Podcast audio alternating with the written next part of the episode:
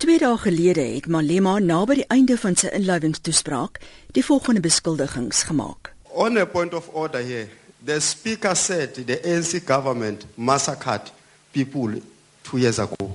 Is it parliamentary? Is there any proof of that? Can you rule on that, Chairperson? Mr. Malema, I maintain that. Mr. Malema, The ANC government massacred the people in Marikana. Those police were representing the ANC government. Mr. Malema, I'm not going to Morel. withdraw.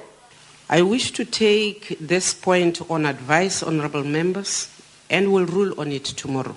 Net na 7 uur gisterand het die voorsitter van die Nasionale Raad van Provinsies, Tandi Modise, Malema gevra om sy uitlatings terug te trek. Although members enjoy freedom of speech during the proceedings of this House, this freedom is subject to limitations imposed by the Constitution and the joint rules. The statements made by Honorable Malema suggest that the government, which is made up of members of this House, deliberately decided to massacre the people of Marikana. This does not only impute improper motives to those members of the House, but it also accuses them of murder. Secondly, I must also indicate that there is a commission set up by the President to inquire into this matter, and that that commission has not yet made any findings. It is therefore undesirable to make statements which will second guess the outcomes of that commission. I want to further remind honorable members of this House that a ruling made by an officer presiding is final. Statements like, I am not going to withdraw, sounds contemptuous and also challenging to the authority of the officer presiding. Having said that, honorable members, I request the Honorable Malema to withdraw his statements which said the ANC, the ANC government massacred the people in Marikana. Honorable Malema, Malema het geweier om sy uitlatings terug te trek en is versoek om die nasionale vergadering te verlaat. Sy partylede het hom vergesel. And when police kill people, you don't want us to come here and say the ANC government has killed people. That is inconsistent, uh, Honorable Malema. Honorable Chair. Honorable Malema, the instruction to you is withdraw the statement. I won't do that. made. I'm sorry, I won't do that.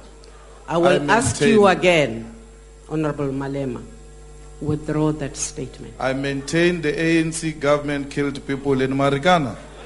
You leave me no choice but to ask you to leave the house. No problem.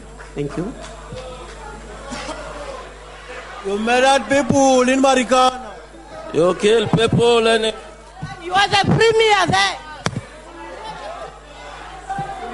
Matras. Honorable members, You are Matras. leave the house. and you were the You are the premier premier at the when they time, Tani. You died. You were those the. Leave You the the house. premier when people were killed. You are the premier, Thandi. Yes, I was the premier. Mercenaries. Leave the house. You murdered people in The sergeant Marikana. arms, make sure that the door is closed. All the people who are against murder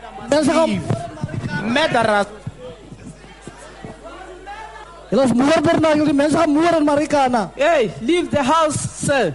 Die ANC LP, Mamoloko Kubai, het gevra dat stappe gedoen moet word teen die EFF-lede. House Chairperson, my apologies, I really need to raise this order. In terms of the rules and in terms of the code of conduct, the members of EFF have really brought this house into disrepute. I would like to request that a proper process is put in place to investigate the conduct and therefore action be taken. Thank you. Indien 'n ondersoek ingevolge die parlementêre reëls teen die EFF-lede ingestel word, kan baie strenger maatreëls volg as hulle skuldig bevind word aan die ondermyning van die gesag van die voorsittende beampte. Dit kan skorsing van 5 parlementêre werksdae wees, asook 'n verlies aan salaris vir die 5 dae. Die EFF gaan vandag 'n media-inligtingsessie hou oor die gebeure. Die verslag van Mercedes Besent in die parlement. Wilna Matthee in Johannesburg.